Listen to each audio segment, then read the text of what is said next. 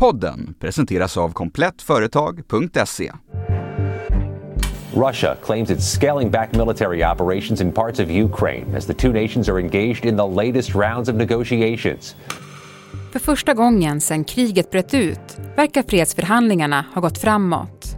Men nu är den stora frågan. Går det att lita på det Ryssland säger? We'll see. I don't read anything into it until I see what their actions are. På en kvart får du veta vad som händer i Ukraina och vad det egentligen betyder när Ryssland säger att de ska dra sig tillbaka från Kiev. The president said they agreed to see whether Russia is sincere or if they're trying to buy time to launch a new military effort. Det är torsdag den 31 mars. Jag heter Alexandra Karlsson och det här är Dagens Story från Svenska Dagbladet.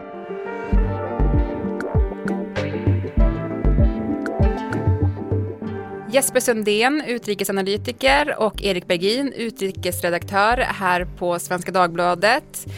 Hörrni, I veckan har det varit fredsförhandlingar i Turkiet och vi spelar in det här på onsdag förmiddag. Och det skulle ju ha varit förhandlingar idag också, men det ser inte ut som att det är några. Men det verkar faktiskt ha gått framåt lite den här vändan med förhandlingar. Vad är det vi fått höra? Ja, Ukraina hade ju med sig en, en lista på eh, olika förslag som var väldigt konstruktiva. De kräver inte NATO-medlemskap, de kan tänka sig att avstå från det. De kan tänka sig att diskutera eh, Krim och, och de här Donetsk och Luhansk. Eh, man har också sett från Rysslands sida att de talar inte längre om avnazifiering. Och, och det var ett tag sedan de talade om att det är knarkare och drogpåverkade i, i Kiev. Så på det sättet så har man ju faktiskt tagit ett steg framåt i de här samtalen. Men sen måste man komma ihåg att de här samtalen sker på en väldigt låg nivå. Så man vet inte riktigt vad det här är värt. Mm. Vi ska gå mer in på själva förhandlingarna strax, men, men en sak som kom ut under tisdagen, det var ju att Ryssland säger då att man ska minska sin närvaro runt huvudstaden Kiev.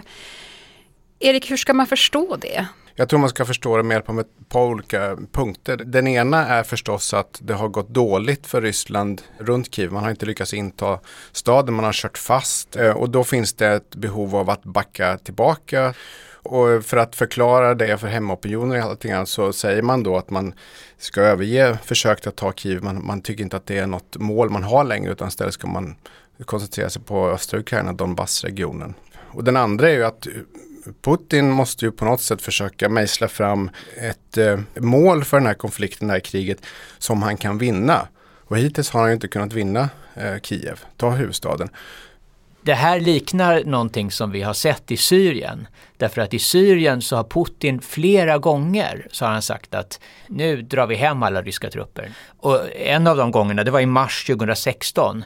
Då, då sa Putin, ja nu ska vi dra hem alla ryska trupper. Dels har vi nått de mål vi har uppnått och dels är det fredsförhandlingar i Genève och, och det, här, ja, men det här verkar så lovande så vi drar tillbaka alla trupper. Gjorde de det? Nej. De eh, omgrupperade trupperna och inledde en ny offensiv. Ett år senare, 2017, så försökte han samma trick igen. Ja, vi ska ta tillbaka all, nästan alla ryska trupper.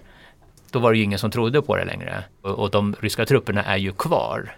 Mm. Eh, och det är förmodligen samma sak här. Alltså det, här betyder ingenting. Det här är kattens eh, lek med råttan. Ja, men precis, för det du är lite inne på här nu då Jesper, det är att Ryssland har gjort sig kända för att säga en sak och göra en annan.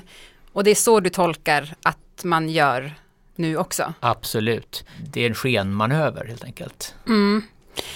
Det har ju kommit uppgifter från Ryssland om att man eh, ändå ska ha ändrat lite strategi i kriget och fokusera mer kring Donbassregionen. Hur ska man förstå de signalerna från Ryssland? Ett sätt att förstå dem på det är ju att inte ens i, i Donbass så har ju Ryssland kontrollerat det man tänkte att man skulle göra. I södra delen där så står man egentligen kvar vid de linjer som har funnits där sedan 2014. Så man behöver mer krut där helt enkelt för att uttrycka det krasst. Alltså det, det är nog en, en förklaring. Men sen tror jag som, som Jesper var inne på, alltså man ska liksom inte gå på det narrativet från Moskva att, att man nu liksom övergett eh, försöken att ta Kiev. Men det gör ju också att man kan fundera på hur pass villigt Ryssland är att fredsförhandla nu eftersom man, har inte, man går in i en sån förhandling med ganska svag position eftersom man inte har vunnit kriget. Man har inte etablerat total kontroll över ens de områden där det skulle finnas mest rysk stöd, vilket var östra delen. Och, och gå in i en fredsförhandling i ett sådant läge ger ju en ganska svag position. Vad ser vi mer för tendenser i kriget just nu? Ja, en, ett stort drama fortsätter ju vara Mariupol. Där har det ju rapporterats i nu, någon vecka nu att det pågår strider inne i staden. Alltså i urban miljö, eh, Eh, väldigt stora förluster förmodligen på båda sidor. Folk har inte kunnat fly, det är total misär med ingen gas, ingen el, ingen vatten och så vidare, ingen, ingen mat. Nu när vi spelar in detta på onsdagen så sägs det ju från militäranalytiker och sådär att ryssarna förmodligen kan ta den staden inom några dygn. Nu vet man ju inte om det blir så men det är ju ett långsamt gnagande av den ukrainska motståndsviljan som har pågått nu i flera veckor. Då, då har ju Ryssland en korridor så att säga från Krim ända upp till eh, Donbassregionen om de lyckas med det. Mm. Det är, ett, det är fortsatt ett stort drama som pågår där. Det försvåras ju av att eh, de styrkorna som är i Mariupol har ju haft gott om tid att förskansa sig och förbereda sig för närstrider inne i stan. Och även om ryssarna har skjutit sönder alla byggnader i princip så finns det de här källare och liksom underjordiska utrymmen som kan utnyttjas då av de här ukrainska trupperna. Det är säkert fruktansvärda strider, alltså det, det ser man ju på Mosul eller Grosny eller de här sönder bombade städerna där man slogs som kvarter från kvarter. Alltså det kan bli oerhört blodigt och komplicerat. Vi hör ju också mycket om Odessa. Vad händer där egentligen? Odessa och den delen av uh, Ukrainas västra Svarta havskust, den har ju ryssarna inte kommit fram till. De, de, ryska trupperna har ju tagit Cherson som ligger norr om Krim och sen så fortsätter de landtrupperna landvägen mot Odessa och då måste de passera staden Mikolajev. Och det har de inte lyckats med. De har eh, mobiliserat eh, lokalbefolkningen och lyckats slå tillbaka ryssarna. Och eh, deras guvernör Vitalij Kim framstår nästan som en Zelensky-figur. Han är väldigt aktiv i sociala medier och han har lyckats liksom uppmana en otrolig kampkänsla och enighet i den här stan. Och det var väldigt talande att samtidigt som de här freds förhandlingarna i Istanbul drogs igång i, på tisdagen så skickades kryssningsrobotar mot Vitali Kims kontor. Men han var inte där för han hade försovit sig. Det här visar bara att okej, okay, vi kör förhandlingar men slappnar de av, ja men då slår vi till. Och ukrainarna får inte slappna av för att de kan inte lita på ryssarna. Ja, men om vi går in då på de här fredsförhandlingarna, för som du säger så pågår de samtidigt som kriget pågår och som vi har varit inne på här har kriget inte gått som Ryssland vill. De har inte en jättestark förhandlingsposition.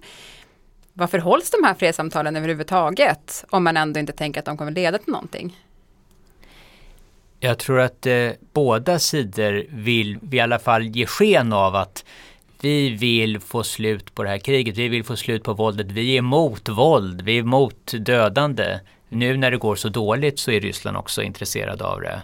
Och också för att framstå som lite bättre. Jag menar, de har ju Kinas stöd men Kina har beklagat dödandet och, och allt det här. Det handlar ju delvis om PR.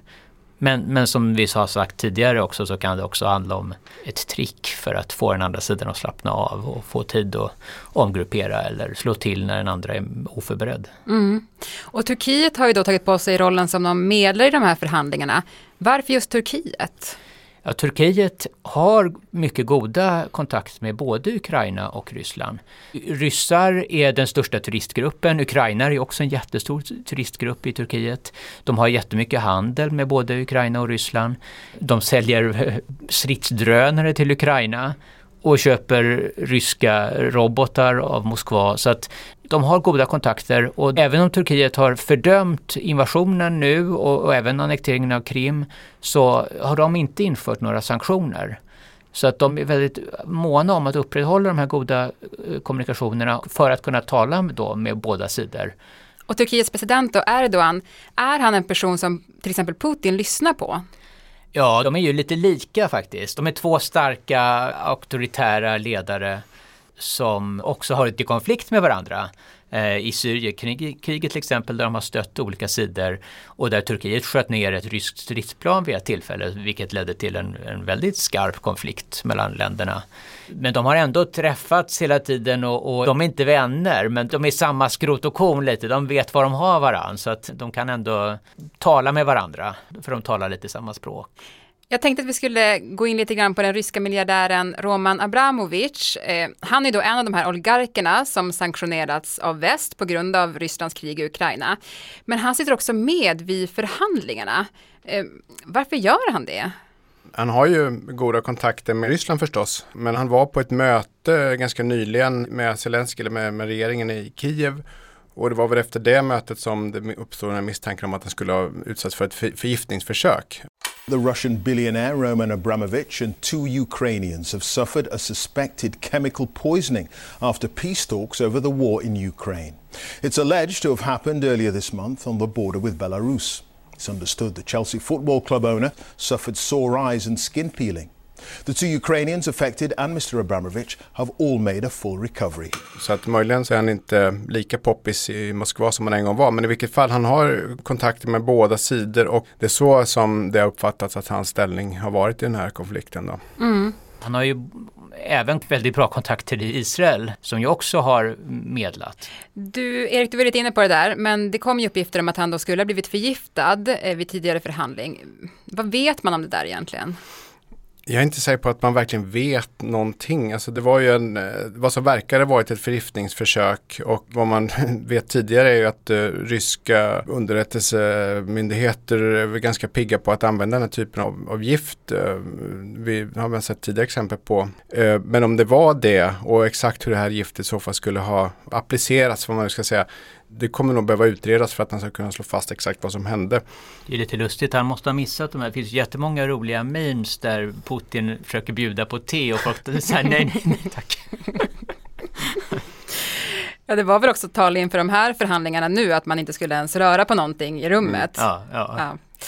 När det gäller då de här förhandlingarna, alltså vad finns egentligen uppe på bordet under dem? Eh, Jesper var lite inne på Ukrainas eh, där i början, men, men från Rysslands sida, alltså är det på riktigt fredsförhandlingar? Eller vad, vad, vad, finns på borden från de olika sidorna?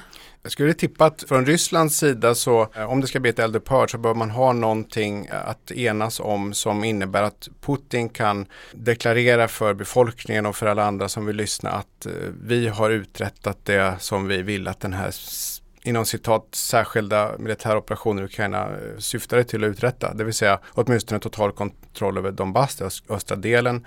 Det är ett minimum och om han inte kan uppnå det, om det inte finns på bordet så kommer ryssarna inte vara intresserade. Så det är min tolkning av det. Mm. Men kan Ukraina ge bort delar av sitt territorium till Ryssland? Vad säger Zelensky? Zelensky har ju sagt att eh, han kan omöjligt ge bort något av territoriet och han kan inte heller genomföra de här ändringarna i konstitutionen som krävs. Det står nämligen i konstitutionen att Ukraina ska söka NATO-medlemskap. Han kan inte göra det här utan en folkomröstning. Att arrangera en sån här folkomröstning det, det kommer ju ta ett tag och, och, jag tvivlar på att det är så många ukrainare som skulle vara beredda att ge upp delar av sitt land. Eh, det, det här kriget har ju väckt ett oerhört hat mot Ryssland och de här äh, delarna som då skulle eh, tänkas ingå i det ryska området utöver Krim och de nuvarande områdena som ockuperas i Donetsk och Luhansk. Alla de här rysktalande, de eh, har ju verkligen visat med sina liv här att, att de verkligen inte vill tillhöra Ryssland. Vad tror ni kommer hända nu då? Jag tror man kan se bara på, på Syrien. Syrien är ju inne på tolfte året nu eh, och vi, västvärlden, omvärlden har ju liksom lite tröttnat på den konflikten. Det är svårt att få engagemang för alla de flyktingar som lever inom landet under väldigt, väldigt dåliga förhållanden. Det är ingen skolgång för barnen. Jag, jag tror ju att Putin, han kommer fortsätta det här. Han är beredd att fortsätta i år om det krävs. Det har gått en månad och det är fortfarande så att den ukrainska motståndsviljan är stark, eh, omvärldens stöd är starkt. Men hur länge, jag tror att Putin är förvånad över hur starkt omvärlden reagerade. Men jag tror också att han tror inte att det kommer vara så länge och jag är rädd att han kommer att ha rätt om det här drar ut på, på flera år. Ja, men, så det är kört då Jesper? Nej, det vill jag ändå inte säga därför att det sker ju saker inne i Ryssland.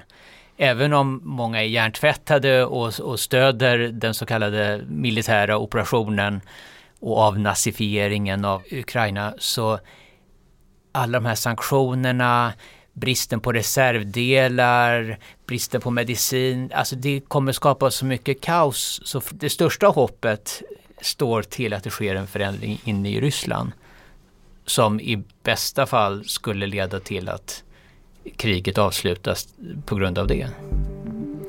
Tack Jesper Sundén och Erik Bergin för att ni var med i Dagens Story. Tack så mycket. Tack.